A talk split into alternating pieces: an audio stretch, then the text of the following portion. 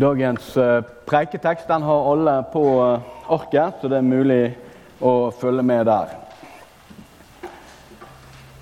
Det står skrevet i evangeliet etter Matteus, og da reiser vi oss.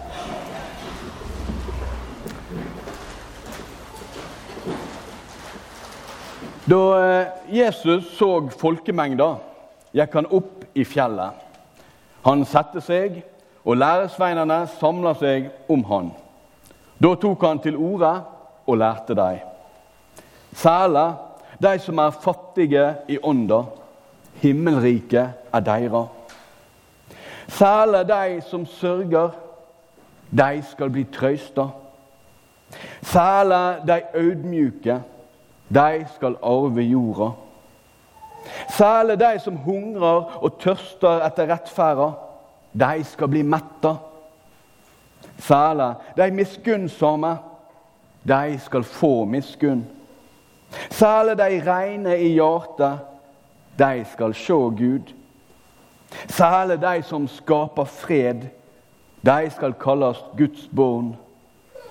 Særlig de som blir forfølgde for rettferds skyld. Himmelriket er deres.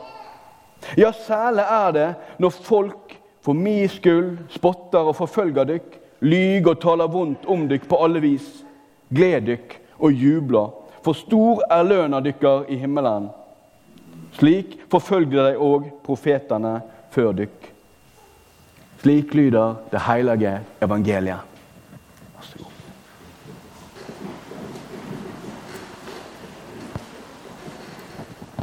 Særlig deg. Ikke en naturlig måte for oss å uttrykke oss i dag.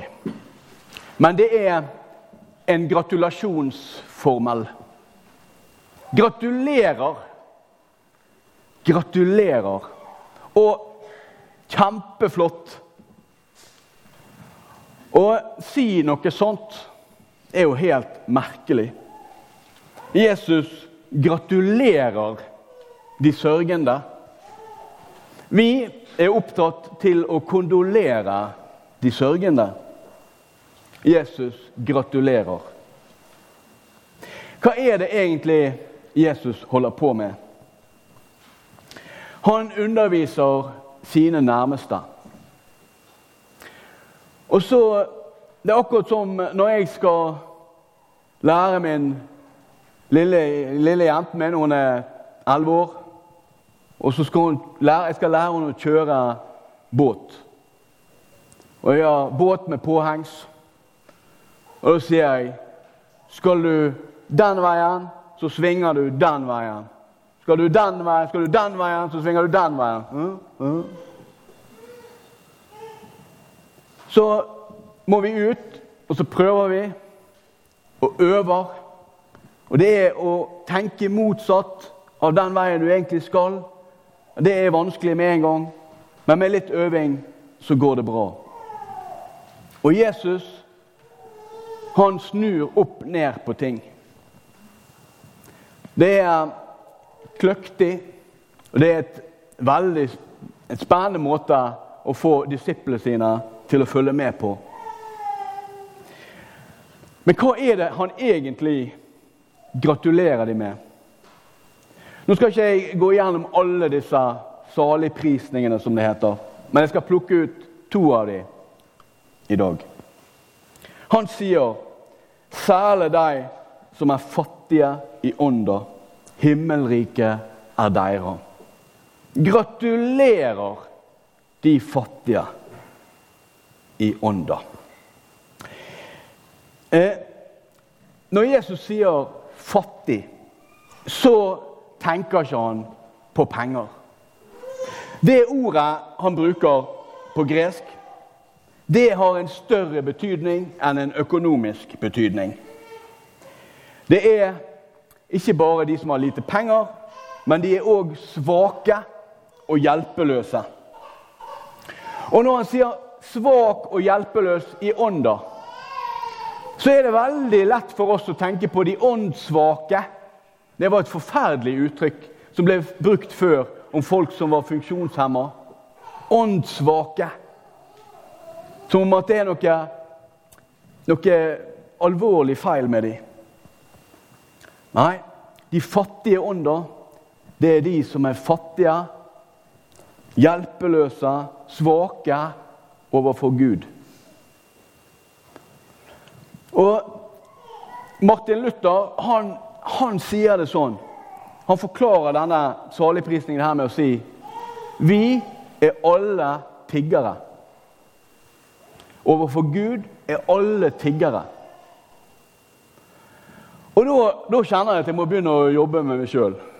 For, for, når jeg ser en tigger på gaten Det er jo ikke her i Sykkylven, da, men eh, gjerne i Oslo eller sånn. Så får jeg masse dårlige assosiasjoner. Jeg, jeg sliter med å se denne personen inn i øynene. Jeg sliter med å se på denne personen i hele tatt. Aller helst har jeg lyst til å gå en lang vei rundt.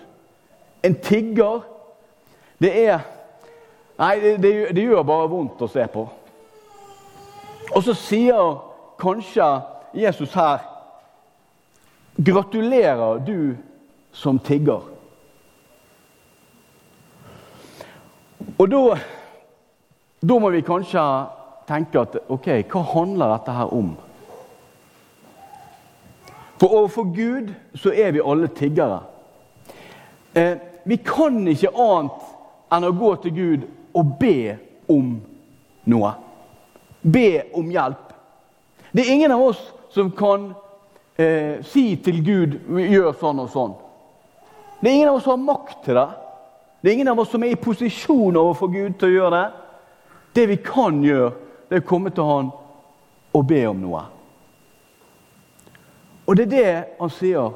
Gratulerer, du som går til Gud og ber om noe. Du som bare kan rekke ut hånden som en tigger og be om noe. Vet du hva? Himmelriket, det er ditt. Så eh, skal vi se på en saligprisning til. Og Den er litt sånn i samme leia. Det er Særlig de audmjuke. De skal arve jorda. Gratulerer, alle dere ydmyke. Ja, dere skal arve jorden. Når vi tenker på å arve jorden, eh, så, så, tenker jeg at eh, de som har mye, det er de som har spisse albuer. De som har klart å karre seg fram i livet. De som har klart å trakke over andre. Det er mange av oss som ligger strødd utover og har det sånn, sånn noenlunde.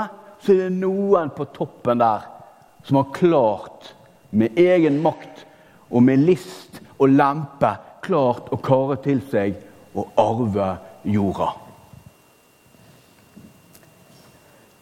Og så sier Jesus det motsatte. Det er de ydmyke som skal arve jorden. Denne jorden, hva er det vi skal arve? I Bibelen så står det i Det gamle testamentet om at noen skal arve landet. Og da er vi inne i eh, det lovede land og Israel og sånne ting. Det står i Salme 37 at de hjelpeløse skal arve landet. Hjelpeløs, ydmyk. Her er det en likhet. Men Jesus han gjør det universelt. Det er ikke bare ett land. Nei, jorda. Og I dag så er det jo allhelgensdag, og eh, det er fokus kanskje litt mer på himmel, på håpet.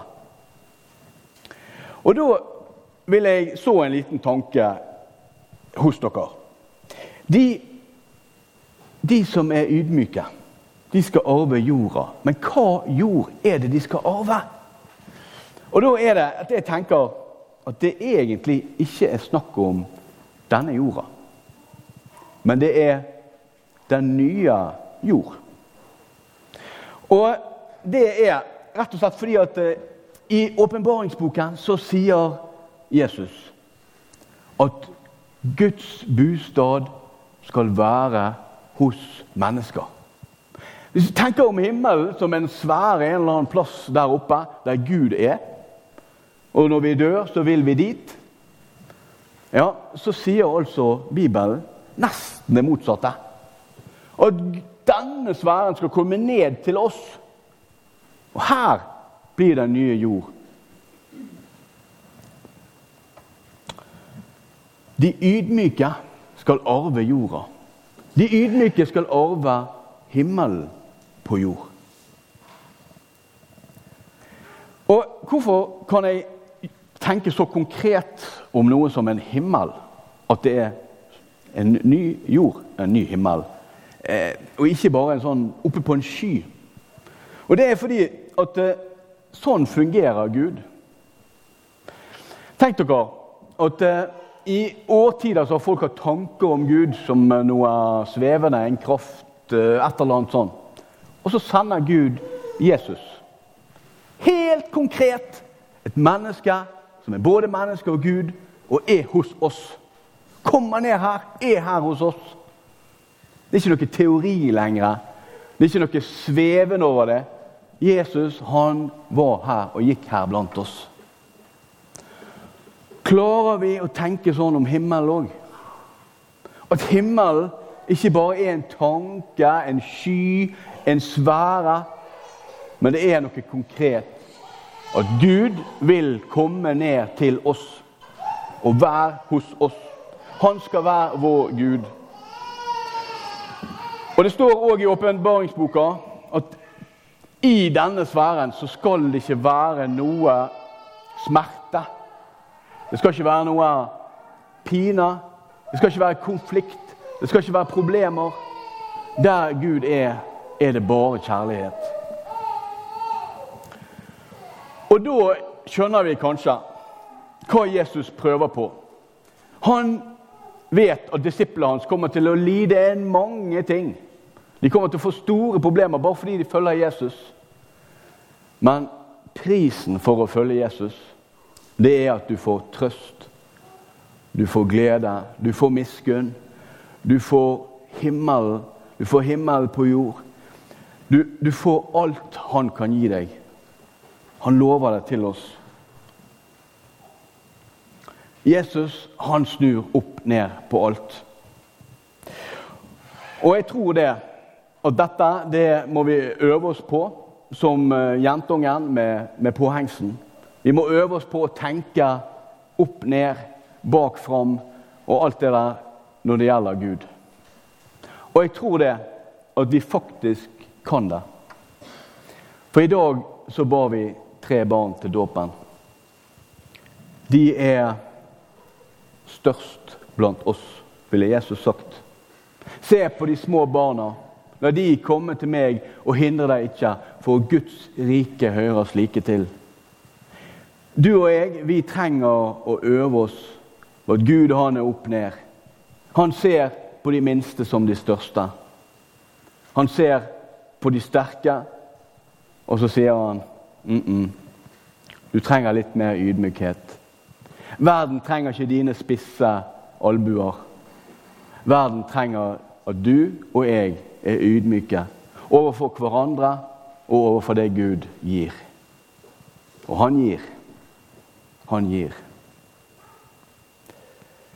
Ære være Faderen og Sønnen og Den hellige ånde, som var og er og blir en sann Gud fra evig og til evig.